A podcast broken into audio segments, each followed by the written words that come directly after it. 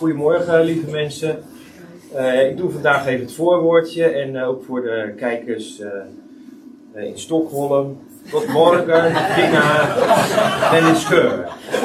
Dat betekent ook goedemorgen, lieve mensen. ik wou het over een apart onderwerp houden. Ik denk, wat is dit? Is iemand in de zaal die weet wat dit is? Of welke letter? Wiskundig hier hoor ik thuis. Wordt nou niet echt een duidelijk antwoord vanuit de zaal. Deze. Weet iemand deze misschien? Ook niet. Nou, jullie Grieks is niet echt optimaal hoor. Deze, dat moeten jullie toch wel weten. Pi, hoor ik daar. Oké, dat klopt. Nou, toch nog één goed antwoord. Ik laat even hier het uh, Griekse alfabet zien. Uh, heb je alfa, uh, beta, gamma, delta enzovoort. En hier pi kom je ook tegen. Hier, pi. En die andere is phi. Dus geen pi, dus een andere pi. Geen André Piet, maar een andere pi. en dit is de kleine letter en dit is de grote letter. Heb je bij, bij pi heb je dat ook. Uh, en bij pi kennen we, dus als jullie met wiskundeles opgelet hebben destijds, long time ago, uh, dat is dit getal. Dat is even een update. Dat zal uh, wel nodig zijn voor diegenen die wiskunde toch geen geweldig vak vonden. Ik denk dat iedereen dat wel is. Archimedes die had, was van 287 tot 12 voor, voor Christus, dus echt wel heel lang geleden. Die heeft het getal pi Mr. Pi een getal gegeven. En dat is dus de uh, omtrek uh, van een cirkel heeft hij berekend. En dat is eigenlijk altijd dezelfde formule. even doorbladeren hier. Diameter maal pi. 3,14 en dan een hele reeks erachter. En het gaat dan eindeloos door. Keer heeft daar gewoon 10.000 getallen achter de komma doorberekend. Nou, dat is heel leuk. Maar dit, is, dit staat voor pi. En dan heb je die andere waar ik het over wil hebben, phi. Uh, ik zie dat er iets versprongen is, maar goed, dat maakt verder niet uit. Alles staat op, het, uh, op de sheet. Uh, phi is 1,6 en dan nog een reeks getallen erachter. dat is een verhouding die Leonardo Fibonacci, Italiaan, ongeveer duizend jaar later dan Archimedes, heeft dat getal berekend.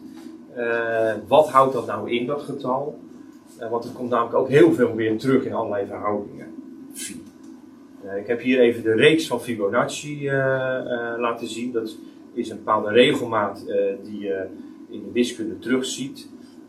hij, het had dit min of meer gebaseerd op konijnenkoppels die iedere maand een, jong, twee jonkies kregen, een mannetje en een vrouwtje, en die gingen weer vermenigvuldigen enzovoort. Nou, dan kwam die op een bepaalde reeks, dat was eigenlijk de aanzet, maar daar zat er veel meer achter. ik ga het even uitleggen. 1 eh, plus 1 is 2. Nou, dat snapt iedereen nog wel, denk ik. Uh, dan heb je de laatste twee cijfers, de 2 en de som van de laatste twee cijfers. Dus dat is 3, dit bij elkaar. En dan krijg je 5. Nou, dat gaat zo door. En dan krijg je een hele reeks getallen die eindeloos doorgaan. Nou, hoe hoger het getal, dat gaat ook eindeloos door, die verhouding. Dit is die 1,6 verhouding. Dat laat ik hier even duidelijk zien. 5 gedeeld door 3 uh, is 1,6. Ja, het is een hele saaie wiskundeles. Uh, met nog Grieks erbij, dus mooie kan ik het even niet maken. Maar ik kom straks op een leuker punt dan alleen deze droge som. Uh, maar we moeten er even doorheen. hier zie je inderdaad ook die, die, die reeks 1,6 terugkomen. En dat is ja 1,6, 18033 enzovoort. hoe hoger het getal, hoe nauwkeuriger de uitkomst. Uh, ik heb hier nog even in een. Uh, kijk, het ding wat erachter gemoed Maar goed, het uh, is een beeldscherm foutje, zou ik maar zeggen. hier heb ik even een, in een, een, een systeempje of een verhoudingsgewijs die getalletjes weer terug laten komen. dat, dit, dit is ook een schematisch overzicht van die reeks van Fibonacci, zou ik maar zeggen. 1, 1, 2, 2. En nou, die ziet steeds die 1,6, 1 verhouding dit, dit, en dan heb je dit vlak, dit is 1,6 groter, dit vlak is 1 en dit is weer 1,6 groter. Nou, dat gaat zo steeds door. Uh, en om het nog even mooier te maken, heb ik even de lijnen nog erin gezet. De breeklijnen. En als je nu zegt, ja, het gaat een beetje duizelen, uh, dan is het op zich een goed teken. Dan geef je nog even een draai aan. deze, uh, deze spiraal, en die, die spiraal die bindt alle hoekpunten weer. Maar dit is wel een heel symmetrisch figuur. Gebaseerd op die reeks van Fibonacci. Nou, wat, ja, leuk, weet je dat, hè? wat heb ik hier aan? Het is namelijk de gulden snede. En die gulden snede komen we wel in allerlei dingen weer tegen. In de, in, dat kom ik zo even op, anders dan, loop ik even voor, op vooruit. Maar ik wil het even laten zien. De gulden snede is gebaseerd dus op die 1 staat tot 1,6 verhouding. Dat zien we terugkomen in het menselijk lichaam. De, de, navel tot de navel en daarboven is, dit is 1 dit is 1,6. Maar als je de arm naar beneden doet, is dit 1 en dit 1,6. Nou, dat geldt ook voor uh, de handen, de vingerkootjes. Je ziet allemaal die 1,6 verhouding zit erin. De arm en de hand, dit deel en dit deel. En andersom ook weer. Het gezicht, daar zit ook een symmetrie in. En dit is allemaal een klein voorbeeldje van het menselijk lichaam, uh, waar die verhouding in terugkomt. Uh, wat we in ieder geval zien. Nou, je hebt ook nog wat erin zit, heel klein, het DNA van het menselijk lichaam. Daar komt die verhouding ook wel weer in terug. Dus het is een hele mooie 1,6 verhouding. Uh, 34, 21. Nou, die zit in die Fibonacci-reeks. Uh, ja, dat is ook een stabiele verhouding. Nou, waar komen we die nog meer tegen? In de natuur ook. Veel in bloemen. Laat even zien, één blad, twee blaadjes, drie enzovoort tot 55. Het is heel bijzonder dat het ook in terugkomt. Klavertje 4 zit hier niet bij, die valt er net even buiten. Maar dan moet je geluk hebben natuurlijk. uh, oh, sorry. Uh, dan hebben we deze. Uh, ook nog even allerlei vormen met die spiraal in de natuur. Dus het begint al bij de foetus, die eigenlijk ook al in zo'n symmetrische spiraal ligt. Nou, de inktvisring, dat is een Romanesco een soort bloemkool. Het bloemkool zelf heeft trouwens ook die spiraalachtige vorm. Bladeren, het oor heeft ook die vorm weer. Nou, hier heb je nog allerlei planten, paardenbloem, aloe vera, de zonnebloemen, roos enzovoort. De uh, dennenappel onderop. De, ook de ananas heeft dat, datzelfde systeem. Zo'n zo spiraalachtige vorm. Waar ook een hele erge regelmaat in zit. Daar zal ik zo even op terugkomen. Een cycloon bijvoorbeeld, maar ook in, het in het zie je deze vorm weer terugkomen. en in slakkenhuis uiteraard. Dat is een heel mooi voorbeeld, het slakkenhuis. Dat zit eigenlijk een dubbele spiraal in. Verder, even over die zonnebloem terug te komen. Daar zit een, eigenlijk een dubbele spiraalvorm in. Maar dat, als je hem uitgetekend linksom of rechtsom of rechtdoor, het zijn allemaal uh, verhoudingen die, in die uit die Fibonacci-reeks terugkomen. Je ziet hem hier zijn te 34. Nou, andersom 21. En als je ze recht vanuit uh, het hart doet, zijn te 55. Nou, als je alleen al naar deze vorm kijkt, ja, wie, wie verzint dit? Hoe, hoe mooi zit dit in elkaar? En dat zijn ze allemaal, hè? Zonnebloemen. Ja, misschien je hebt altijd wel een mongooltje of eentje die er net buiten valt. Maar dat heb je bij de mensen natuurlijk ook. Uh, je ziet hier ook nog weer wat uh, vormen. Zelfs het haar van Trump. Ook een schepsel, zou ik maar zeggen. Heeft dat, maar je kan natuurlijk in alles uh, zien als je dat maar wil. Maar ik, ga ik kwam meteen denken, ja, die wil ik wel verdelen natuurlijk. ja, geen perfect schepsel, maar goed. Uiteindelijk komt alles goed, dat weet je ook. Maar het is natuurlijk mooi dat de staart van een chameleon, maar ook een zeepaardje, heb je ook weer zo'n mooie vorm erin. En dat heeft een stabiliteit. Dat is echt, dat kan niet anders. Verder, in de Bijbel komt het trouwens ook voor. Eh, komt deze verhouding ook voor. De ark van Noach. Uh, hij had exacte maten gekregen om die ark, van, die ark te bouwen. 300 L lang, 50 breed, 30 L hoog. Nou, die 50 en die 30 is ook weer een 6 tot 1 of 1,6 staat tot 1 verhouding. Hele stabiele verhouding. Maar ook de ark des verbonds. Die had al een R tussen moeten, sorry. Uh, 2,5 maar 1,5 maar 1,5 L. maar 1,5 is ook weer 1,6. 1,6 ongeveer, ja. Hoe lager het getal, hoe minder nauwkeurig. Maar dit is wel een 1,6 verhouding.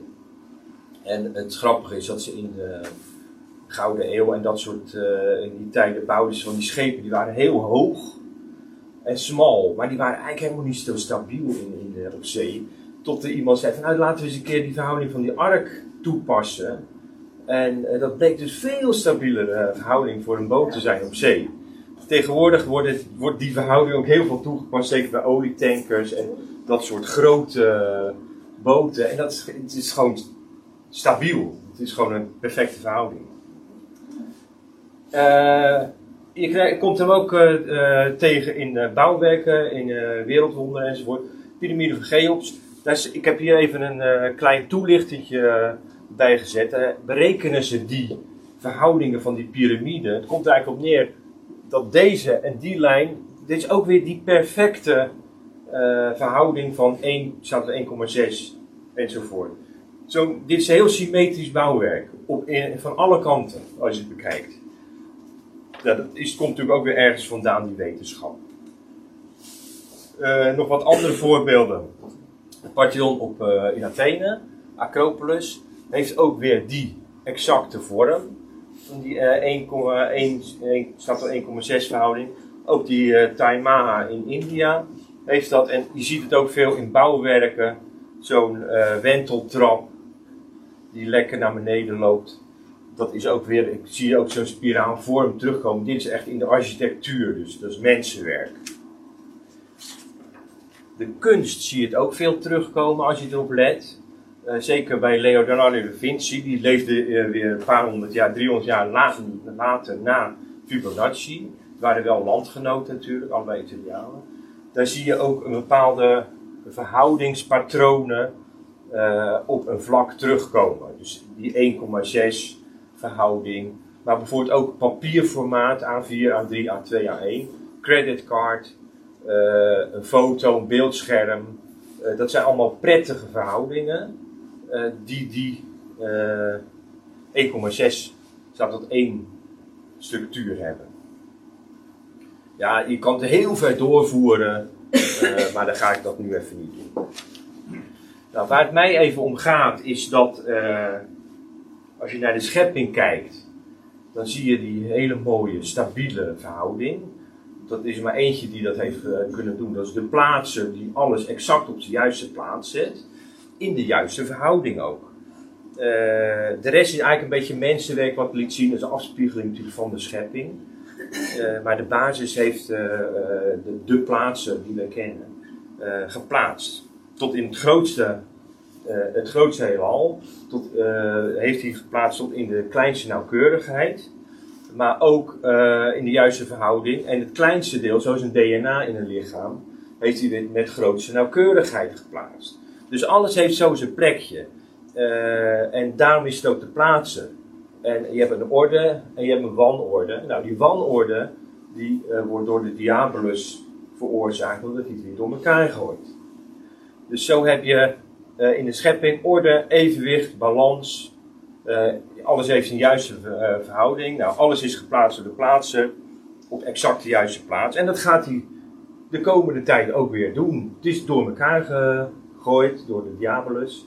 En de plaatser gaat alles weer op zijn plaats zetten. Nou, dat wou ik met jullie delen. En nu het woord aan Wond. Dankjewel, jongen heb uh, alweer een tijd geleden, ik heb heel lang heb ik uh, zonneschool gedaan. En uh, dan uh, deden we, gingen we in twee jaar tijd, vertelden we de geschiedenissen van de Bijbel aan de kinderen. Dus in twee jaar tijd gingen we door heel de Bijbel heen. En ik, ik had dan vaak de 12, 13, 14-jarigen waarbij ik iets mocht delen. En dan kreeg je een, een geschiedenis en dan moest je je voorbereiden. En wat, ik dan, wat mij dan vaak opviel was het volgende. Dan dacht ik, oh, ik moet me voorbereiden, dit verhaal, deze geschiedenis. Dat ken ik wel. Ja, maar dat bleek dus altijd toch net iets anders te liggen. als je dan zo geschiedenis ging lezen en je ging hem onderzoeken, dan kwam je altijd weer nieuwe zaken tegen.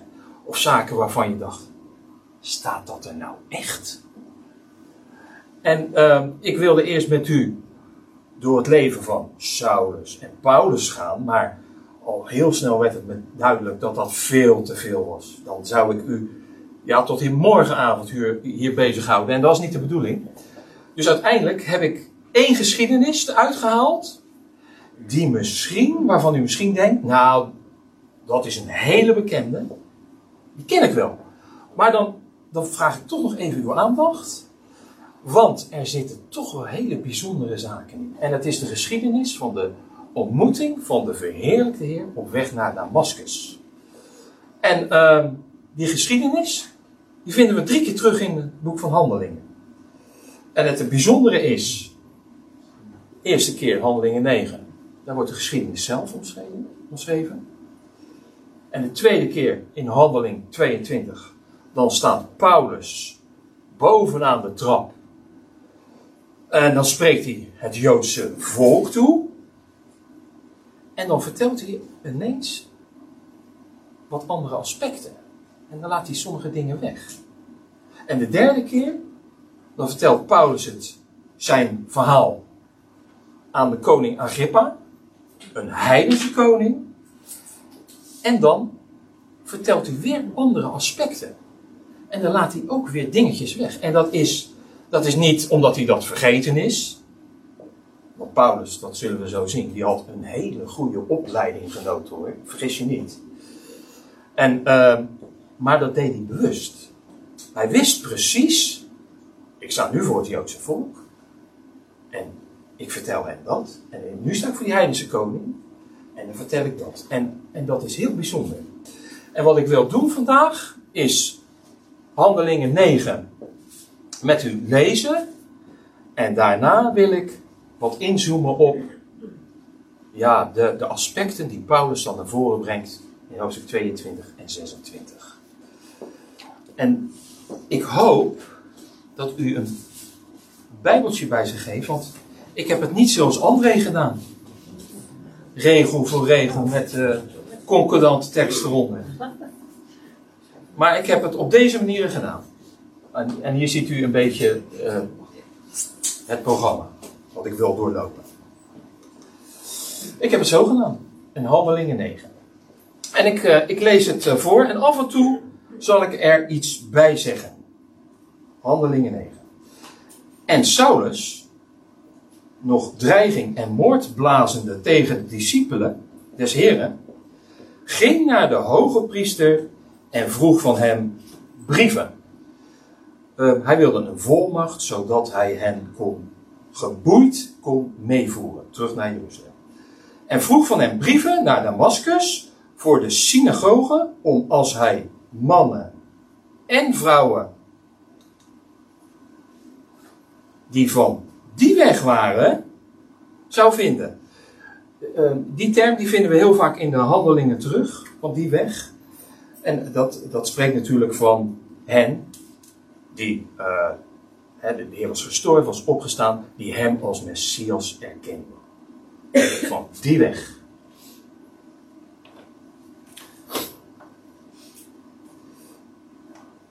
Die, hen, die van die weg waren zou vinden en hen gevankelijk naar Jeruzalem te brengen.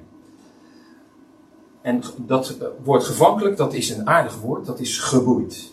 Dus uh, ze werden geboeid en dan zouden ze naar Jeruzalem gebracht. En terwijl hij daarheen op weg was, geschiedde toen hij Damascus naderde, dat hem plotseling uit de hemel omstraalde. En uh, uh, plotseling wil zeggen, het, het, werd totaal niet verwacht. Het was heel onverwachts. Hij was op reis en opeens straalde hem een groot licht. En ter aarde gevallen hoorde hij een stem. En uh, dit is wel aardig. En uh, ik wil u heel even meenemen naar Johannes 18, vers 6. Want daar stond ook iets heel aparts. Ik kijk dan vaak die termen na. Waar komt het voor en wat zegt het ons? Nou, in Johannes 18, vers 6, daar staat namelijk dit. Daar gaat het over uh, de gevangenneming van de Heer Jezus in de hof van Gethsemane. En uh, ik begin heel even bij vers 3 te lezen.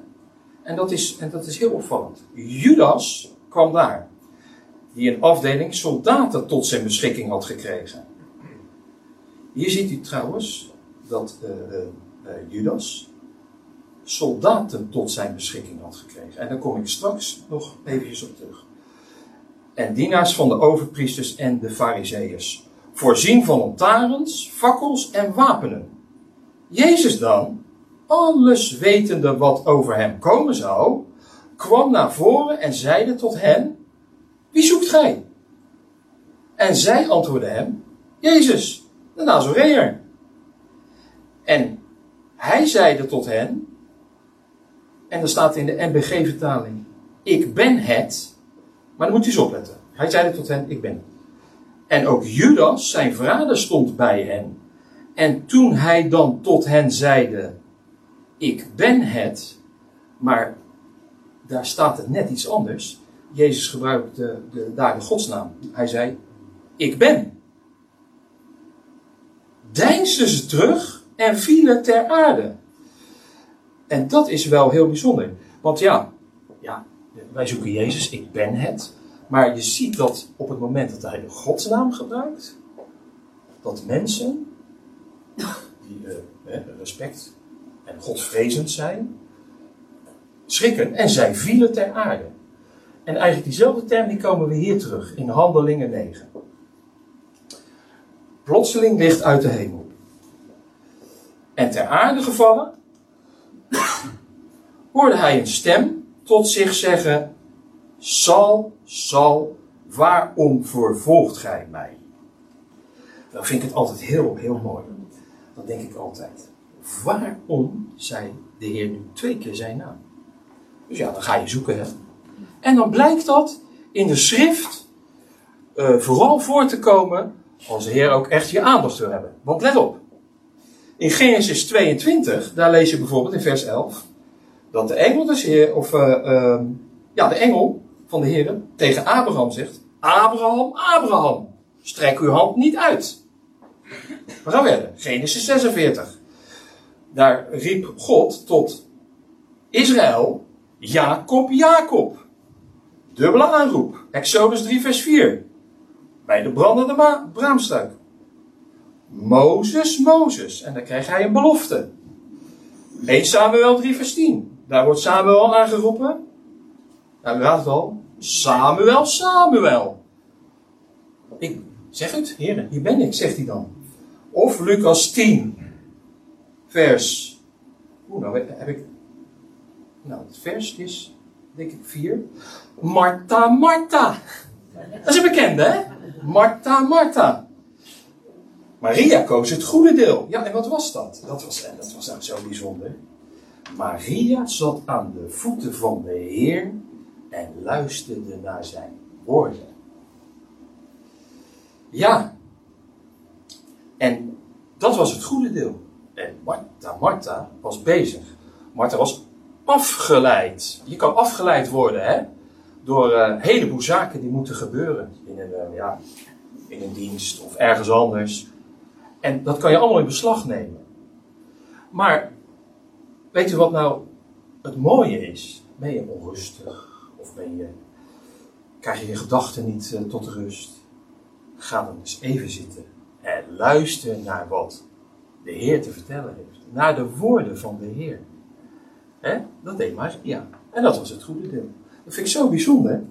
Kijk bijvoorbeeld, ja, en ik, ik gebruik dat nu heel bewust, hè. De woorden van de Heer, het evangelie, het goede bericht. Wij zijn vrij van zonde. Daar hebben wij helemaal niets meer mee te maken. Nou, dat geeft een rust. Als je dat mag beseffen, als God je hart daarvoor opent, en daar kom ik straks nog op terug, hè. En dames en heren, wij hebben een lotsdeel ontvangen. Ja. En dat is bijzonder. Dat maakt ons hele dankbare mensen. Geweldig. luister naar de woorden van de Heer. Ga aan zijn voeten zitten. En wat hij ons te vertellen heeft. Goh, ja, dat is echt, dat is fantastisch. Dat is geweldig. Marta, Marta. Maar het gaat nog verder, hè? Simon, Simon. Petrus, vindt u ook terug, Lucas 22. Nou, u ziet het. Er is een hele, hele rij te vinden met dubbele aanroepen. En, en in wezen, ja, is dat om de aandacht nu even er goed bij te houden. Zo, zo. Waarom vervolgt gij mij? En hij zeide, wie zijt gij, heren? En ik, en, en hij zeide,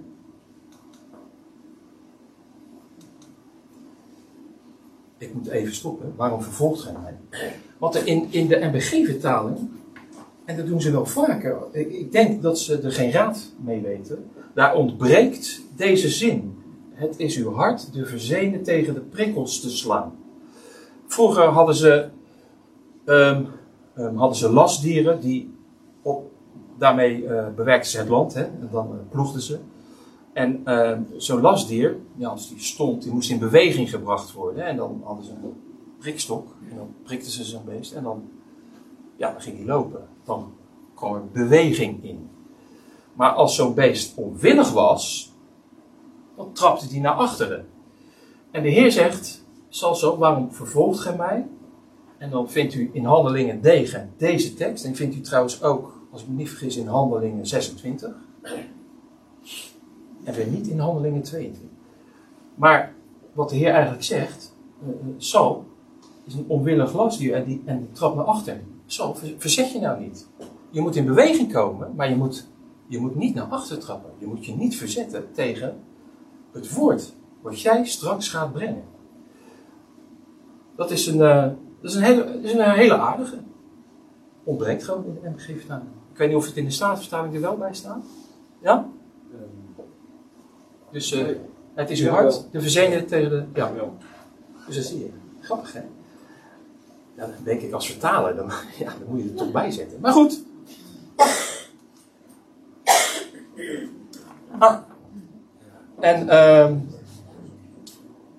hij zeide, en wie zijt gij, heren? En hij zeide, ik ben Jezus, maar sta op en ga de stad binnen en daar zal u gezegd worden wat gij doen moet. En dat is ook wel een hele bijzondere. Want kijk, uh, het is niet zomaar van, uh, nou uh, Saulus, jij moet nu iets gaan doen. Nee, het heeft de betekenis van, er moet iets noodzakelijks gaan gebeuren. Het is noodzakelijk dat jij nu het volgende gaat doen. Dus ik ga jou een taak geven. En dat is niet zomaar vrijblijvend. Nee, het is noodzakelijk. Het moet gebeuren. Want in Gods helsplan stond al vast. Israël die zou struikelen, ja, tijdelijk, dat weten we. Zodat het hel naar de heidenen zou gaan. Dat vindt u in de geschiedenissen, in de hoofdstukken Romeinen 9 tot en met 11. Israël zou struikelen, zodat het hel, redding, naar de heidenen zou gaan. Dat vindt u hier terug. En dat is een beetje ook de gedachte. Met, het is noodzakelijk dat jij nu dat gaat doen. En dit is ook wel aardig. En de mannen die met hem reisden, stonden sprakeloos. Ja, de mannen die met hem reisden. Ik heb, ik heb er wel eens over nagedacht. Die zouden dan uh, mensen in Damascus uh, vastnemen en boeien. Zou het nou niet net zo zijn als we net hebben gelezen, dat dat gewoon Romeinse soldaten waren? En in, een ander, in het andere hoofdstuk lezen we dat hij werd aangesproken in de Hebreeuwse taal. Maar goed, hou dat even vast, daar kom ik straks nog op terug. Ze hoorden een stem, maar ze zagen niets. Ja, een persoon. Wel het licht. En Saulus stond op van de grond. En hoewel hij zijn ogen open had, kon hij niets zien. Hij was blind. Ja, en dat kan natuurlijk niet missen. Dat is een, een, beeld van het volk van Israël. Hè, wat we later in Handelingen 28 lezen.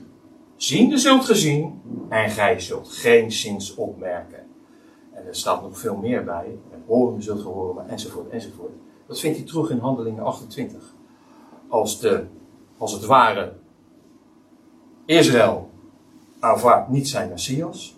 De deur gaat dicht, maar er gaat een raam open, er gaat een venster open voor de heidenen. En dat is tijdelijk. Ehm, en uh, dat weten we. Maar dat zal gebeuren. Als je kijkt in Romeinen 11, dan zie je ook nog dat God hen een geest van verdoving geeft. Ogen van niet kijken. Maar daar heb ik erbij gezet, maar de derde dag, dan zullen ze zien. En dat zit allemaal in die geschiedenis verweven. Saulus kon drie dagen niet zien. Ja, en dan, dat is u waarschijnlijk wel bekend, maar misschien iemand die uh, dat voor het eerst hoort. Maar een dag is bij de Heer als duizend jaar. Dus ja, als je praat over dagen, dan weet je als je de, in de geschiedenis kijkt. Aha, op de derde dag zullen ze me zien. Kijk eens aan. En die tijd is denk ik uh, redelijk uh, snel komen we daar.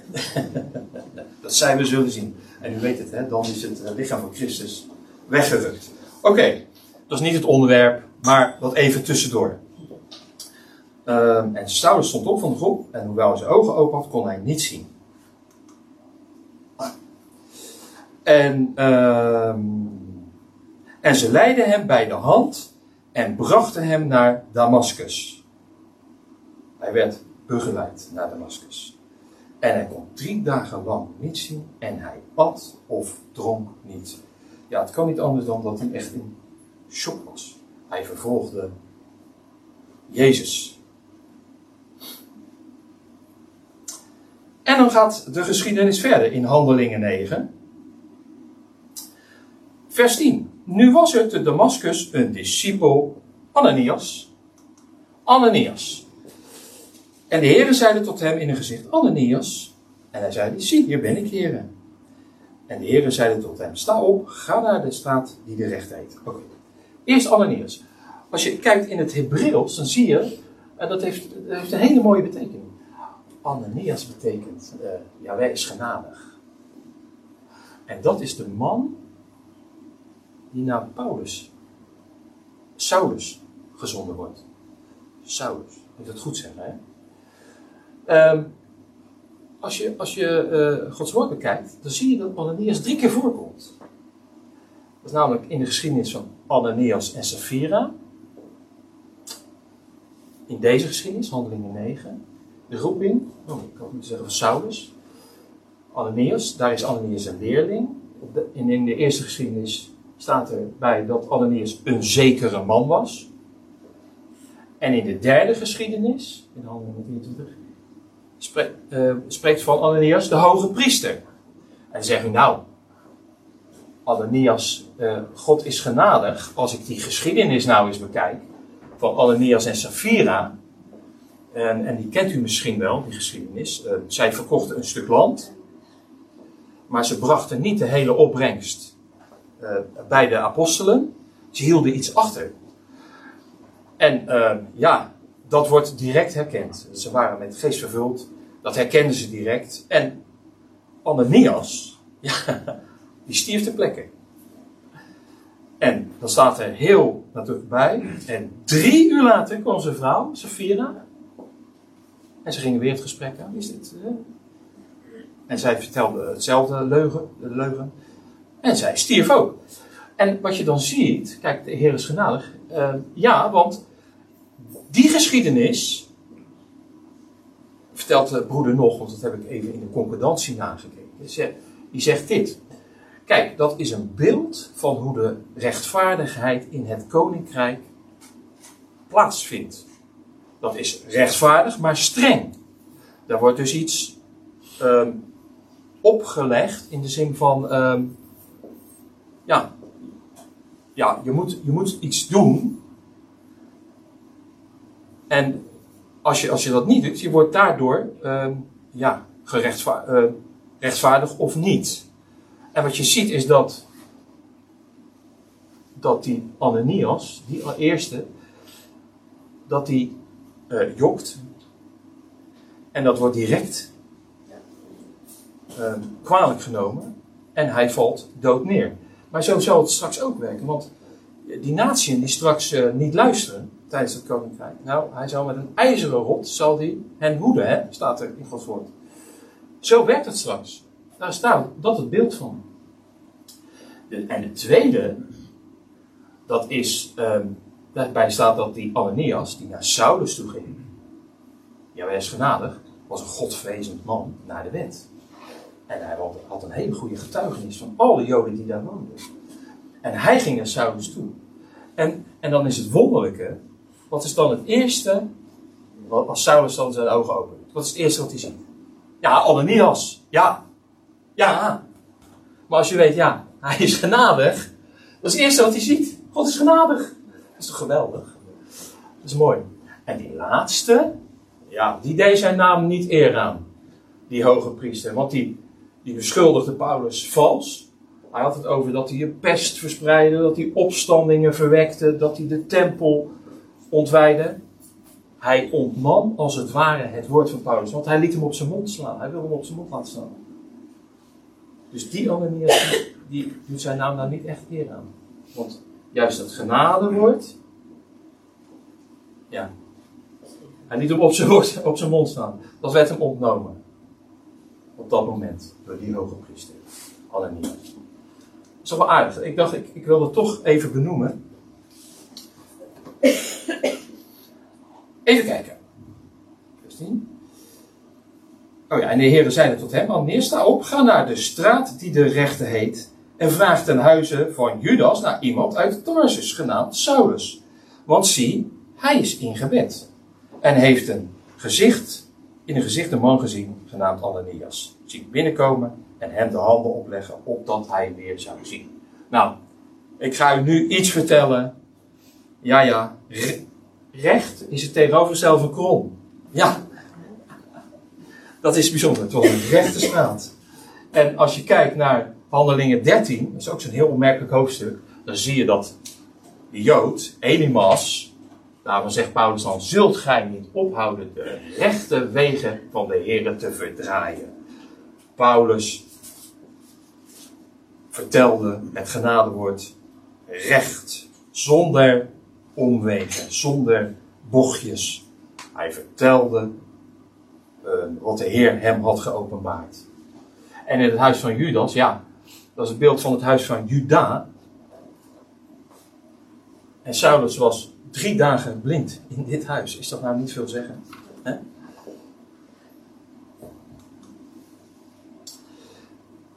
Oké. En hij heeft een gezichte man gezien, genaamd Ananias, zien binnenkomen en hem de handen opleggen, opdat hij weer zien kon. Vers 13, en Ananias antwoordde, Heere, ik heb veel over deze man gehoord, hoeveel kwaad hij uw heilige te Jeruzalem aangedaan heeft. En hier heeft hij volmacht van de overpriesters om alle die uw naam aanroepen gevangen te nemen. Maar de heren zeiden tot hem, ga, want deze is mij een uitverkoren werktuig. Een instrument. En ik moest eh, denken aan, eh, heel lang geleden is er eens een, eh, een keuken geplaatst bij ons. En die meneer die kwam binnen en ik ben, ik ben nooit vergeten. Die had een, een accuboord die de hoek om kon. Die kon, ja normaal is dan, weet je wel, dan heb je zo'n eh, zo'n rechte schroefdraaier, maar die kon de hoek om. Een instrument. En dat was nou speciaal om dat allemaal goed te plaatsen. Nou, hij was een uitverkoren werktuig, een instrument, Paulus. Om precies daar te komen, ja, waar anderen niet kwamen. Uitverkoren werktuig. En, en, en, en nou, nou komt het mooie, want dit kennen we. Want dit kent iedereen hier, dat weet ik zeker. Waarom dan? Uitverkoren. Want deze is mijn uitverkoren om mijn naam te brengen voor de heidenen, koningen en de kinderen Israëls. Want ik zal hem tonen hoeveel hij lijden moet ter wille van mijn naam. En Ananias ging heen en kwam in het huis en hij legde hem de hand op en hij zei, zo, broeder. Mooi hè?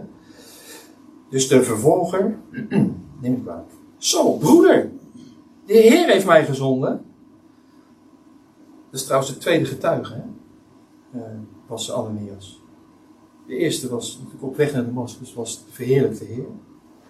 En dat was de tweede getuige, Ananias. Zo, broeder! De Heer heeft mij gezonden, Jezus, die u verschenen is op de weg waarlangs zij gekomen zijn, opdat gij weer zou zien en met de Heilige Geest vervuld worden. En terstond vielen hem als schubben van de ogen en hij kon weer zien. En hij stond op en werd gedoopt. Ja, dat hebben we vorige week gehoord. Gedoopt, ja, hij werd vervuld met de geest. En toen hij voedsel genomen had, werd hij versterkt. Ja, daar kan ik me iets bij voorstellen. Als je drie dagen niks gedronken hebt en gegeten, dan uh, ben je blij en word je versterkt als je wat drinkt en eet. Oké. Dit is denk ik heel bekend, hè? Heel bekend, heel bekend. Als je nou handelingen 22 en 26 erbij neemt, dan benadrukt Paulus net andere aspecten. Daarmee was ik begonnen. En daar gaat ook een sprake van uit, hè, van wat hij wel en uh, niet benadrukt. En ik wil u heel even meenemen naar een paar dingen. Paulus was in Jeruzalem opgevoed. Mag ik eens u vragen? Wie weet er. Even ongeveer, hè? Ongeveer. Hoe oud is Paulus ongeveer geworden? 60, 65? Zoiets? Wanneer is hij geboren? Laat ik zelf staan, denk u. Nou, dat is net voor de Heer of net na de Heer gebeurd. Dus Saulus liep rond in Jeruzalem. En wie kwam er nou een aantal keer per jaar voor de Joodse feesten in Jeruzalem? Dat was de Heer. Maar je leest nooit dat de Heer Saulus ontmoet heeft, gesproken heeft. Of, en, dat, en dat is, als je het gewoon met kerkelijke ogen bekijkt, is dat toch apart. Want de Heer riep apostelen, twaalf stuks. Maar waarom riep hij Saulus dan niet? Die hij een paar keer per jaar misschien wel tegen had kunnen komen in Jeruzalem. Begrijp u uh, waar ik naartoe wil? Het hele punt is dat de Heer bewust dat niet heeft gedaan, niet gesproken, niet opgezocht heeft tijdens zijn aardse rondgang. Nee, hij benaderde Saulus toen de Heer verheerlijkt was. Buiten Jeruzalem, op de weg naar Damascus. En daar gaan we sprake van uit dat Paulus was opgevoed in Jeruzalem. Dat lezen we in Handelingen 22. En dat komt, waarom was dat zo? Waarom heeft de Heer hem toen niet geroepen, toen hij die twaalf riep? Dat had hij makkelijk kunnen doen. Want hij leefde toen ook. Nou, aan Paulus is het evangelie van de voorheid toevertrouwd. En aan Petrus het evangelie van de besnijdenis. Dat vinden we in Galaten 2 vers 7. En dit woordje van, dat maakt het verschil. Want als u op het internet een menukaart van een vijf sterren restaurant opzoekt, dan ziet dat er anders uit. Er staat eten op. Dan een menukaart van een eetcafé. Het is allemaal eten. Het is allemaal voedsel. Maar er zit een verschil in. Het is een ander evangelie. Aan Paulus werd het evangelie van de voorhuid toevertrouwd. En aan Petrus het evangelie van de besnijdenis. En dan weten we dat in Gods helsplan, ja, Israël die zou struikelen. En dat was, ja, dat was Gods diepe wijsheid. Niet om ze, uh, om, om ze te laten vallen. Nee, zodat de, de, het hel naar de natie zou gaan. Het zou tijdelijk zijn. Het ongeloof van Israël zou tijdelijk zijn. Het is een misstap die hersteld zal worden. En uh, God doet dat op zijn tijd en op zijn manier. Maar in deze tijd roept God de volk uit. Uit de heiden. Ik dacht, ik, ik wilde het toch eens benoemen. Um, oh, hij heeft opleiding genoten van Gamaliel. Laten we zeggen, ja, dat vindt u niet terug in de schrift. Hè? Middelbare school. Maar dit is een universitaire opleiding hoor. De opleiding die hij van de verheerlijkte Heer kreeg. Want hij is later naar Arabië gegaan. Dat vinden we in de Gelatenbrief 1 vers 17. En daar heeft hij de Heer ontmoet. Heeft hij hem gesproken. En heeft hij dus, hij heeft die opleiding heeft hij niet van een mens ontvangen, maar van die verheerlijkte Heer. Van, van, van hem die gezeten is aan de rechter van God de Vader. Ja, geweldig. En wat heeft hij dan om, onder andere gehoord? Nou, ik heb even één voorbeeld genomen. Nou, ik, ik had een heleboel geheimenissen kunnen benoemen. Maar dit vond ik wel mooi. Hij was de beheerder van Gods genade. Efeze 3 vindt u dat. Dat heeft u onderhandeld. Je bent de beheerder geworden. dat is een, uh, ja, dat is in mijn woorden, universitaire opleiding was dat. dat. En ik denk dat hij gewoon zijn diploma heeft gekregen hoor, cum laude. mijn woord. Oké. Dan is er nog een, uh, nog een punt waar een heleboel mensen over vallen. En die zeggen dan, ja, kijk, in Handelingen 22 staat dan, zij die bij hem waren, zagen wel licht, maar hoorden de stem niet. En in Handelingen 9 staat, daar zijn wel stem, maar dit woord, dat wordt ook vaak verteld met geluid, dat ze wel de stem hoorden, maar niemand zagen. Dus dat lijkt tegenspraak, maar dat is helemaal niet zo. Want, kijk, ik zei al, stel dat er Romeinse soldaten bij hem waren, die die mensen zouden boeien en meenemen. Ja, die kennen waarschijnlijk helemaal geen Hebreeuws. En bovendien, het Hebreeuwse dialect bedoel ik dan.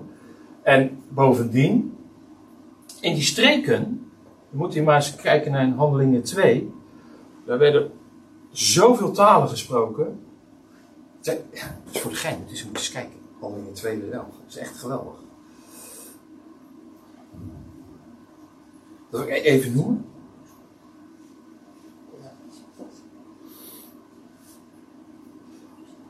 Oh, nee, dan moet ik iets eerder beginnen.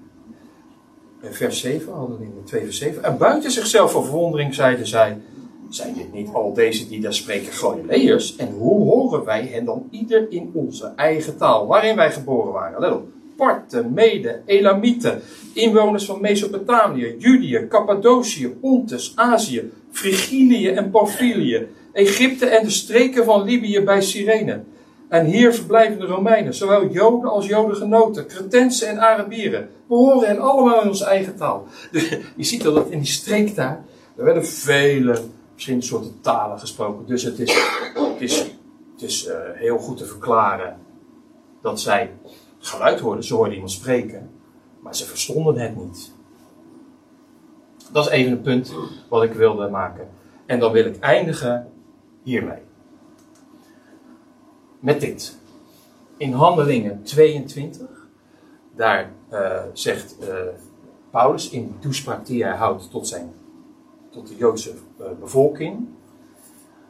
Ehm, en hij zeide. Oh, sorry. dan moet ik het even goed zeggen.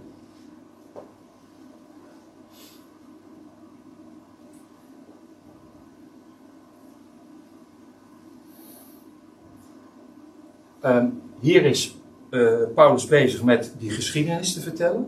Wat hem is gebeurd op weg naar Damascus. En dan spreekt hij uh, die geschiedenis. En dan zegt hij, en hij zeide, de God onze vaderen heeft u voorbestemd om zijn wil te leren kennen.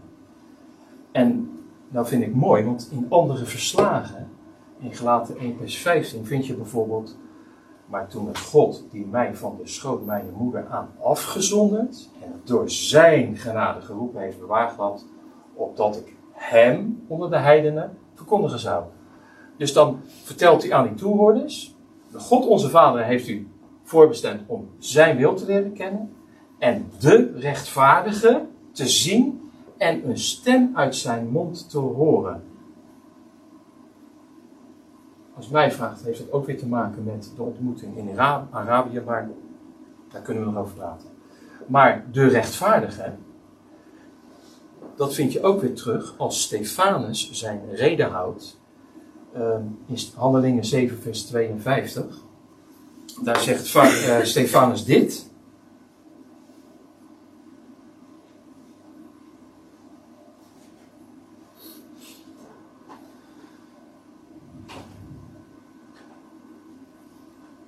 Wie van de profeten hebben uw vaderen niet vervolgd? Zelfs hebben zij hen gedood, die geprofiteerd hebben van de komst van de rechtvaardige, van wie gij nu verraders en moordenaars geworden zijt. Gij, die de wet ontvangen hebt op beschikking van engelen, doch haar niet hebt gehouden. Hier ziet u het, de rechtvaardige. Ja, dat duidt op de Messias. Te zien en een stem uit zijn mond te horen. Want gij, moet getuigen, dat is dus die noodzaak, voor hem zijn bij alle mensen. En dat is mooi, hè? Dat is nou het evangelie van Paulus. Het is altijd all-inclusive. Je hoeft niet op die kleine lettertjes eh, te letten. Het is all-inclusive. God heeft iedereen op het oog. Jawel, hij neemt er zijn tijd voor. Jawel, maar uiteindelijk zal God iedereen redden. Gij moet getuige zijn voor hem bij alle mensen van hetgeen gij gezien hebt. Dat is dan de, de toespraak die hij houdt in, in Handelingen 22. En nou, voor die heidense koning zegt hij dit. Want hiertoe ben ik u verschenen. Om u aan te wijzen als dienaar. Daar staat een woord, dat kennen wij niet meer. Dat is onderroeier. Vroeger hadden ze natuurlijk geen motoren. Maar men roeide en men had zeilen. Maar als dienaar. Dus daar stond iemand en die bepaalde de richting. En jij roeide. En waar degene wilde dat je heen ging. Nou ja, goed, dan deed je één peddel omhoog. Zo. Je roeit. Als dienaar en getuige daarvan. Dat gij mij gezien hebt en dat ik aan u verschijnen zal. Namelijk in Arabië. U verkiezende, zegt dan de Heer hè, tegen Saulus. U verkiezende uit dit volk en de heidenen, waarheen ik u zend, om hun ogen te openen ter bekering. En ehm, dat is wel aardig, want als je in de Bijbel gaat kijken, de heidenen wordt altijd opgeroepen om je om te keren. Maar aan Israël wordt altijd opgeroepen om terug te keren. Om die om te keren. En dan, gaat, en dan komen er eigenlijk een soort vergelijkingen. Ja, omkeren waarvan? Uit de duisternis. En als je, als je daarover nadenkt, hè, dat is zo'n mooi, mooi woord. Duisternis. Als het nou duister is, dan zie je niks. Dus dan weet je niet waar kom ik nou vandaan? Waar sta ik? En waar ga ik naartoe? Want het is donker. Dat is duisternis. Dus om om te keren van die duisternis tot het licht. Ja, wat is nou het licht? Ja, dat is het woord van God. En als het licht aangaat, dan verdwijnt de duisternis. Dus dan weet je, ah, we gaan daar naartoe. Gods woord vertelt, ik heb een plan bij Ionen. En dat volvoer ik, ongeacht wat jij ervan vindt. En daar gaan we naartoe. En dat is eigenlijk mooi. Om hun ogen te openen tot omkering vanuit de duisternis. Je weet niet waar je bent, waar je naartoe gaat. Naar het licht, het woord. Hij, hij, hij stuurt. Hij weet precies waar het naartoe gaat. En dan weer een andere vergelijking van de volmacht van de Satan. Die heeft macht van deze Joon tot God. Dat is ook weer een vergelijking. Opdat zij, ja, en dit is, dit is zo mooi. Ja, vergeving van zonde. Ja, maar het gaat eigenlijk nog verder. Hè? Het, is, het gaat over loslaten, vrijlaten. En ik zei het al in het begin uh, van de toespraak. We zijn zo rijk. Want we zijn bevrijd van de zonde. We leven in vrijheid. We hebben niets meer te maken met zonde. En ik weet niet of u wel eens op social media kijkt, maar er zijn zoveel mensen die worstelen met zonde. Maar dan denk ik, ja, was dan het offer van de Heer? De prijs die hij was dat dan niet voldoende? Ja, natuurlijk was dat voldoende. We zijn vrijgekocht. Loslating, we zijn vrij van de zonde. Je leeft in vrijheid. Je leven voor Hem. En zo leven wij. Opdat zijn vergeving van zonde en een erfdeel onder de geheiligden zouden ontvangen. Door het geloof in mij. Ja, dat erfdeel, dat is zo bijzonder. Want in die, in die Kolossenbrief vind je precies dezelfde woorden terug. Moet u maar eens nakijken. Colossense 1 vers 13. En dankt gij met blijdschap de Vader. Danken. Dank u voor deze nieuwe morgen. We hebben net van gezongen. Die u bekwaam maakt. Moet je zelf. Nee. Vertrouw op het woord. Draai je naar het licht toe. Hij maakt bekwaam. Voor het. Ja, nou. Ik vroeg me af het nou lotsdeel of lotdeel. Ja, vroeg me nou eigenlijk af. Nou ja, lotsdeel van de heilige in het licht. Hij maakt ons bekwaam voor dat lotsdeel van de heilige. En dat is precies hetzelfde wat hij bekendgemaakt heeft op weg naar, hè, eh, aan Saulus op weg naar Damascus. Dat. Nou, daarmee wil ik eindigen. Dank hem voor dat geschenk. We zijn vrij van de zonde. En het lotdeel ligt voor ons klaar. En ik vond het toch wel aardig dat dit gedeelte, dat je dat dan precies leest bij die heidense koning Agrippa.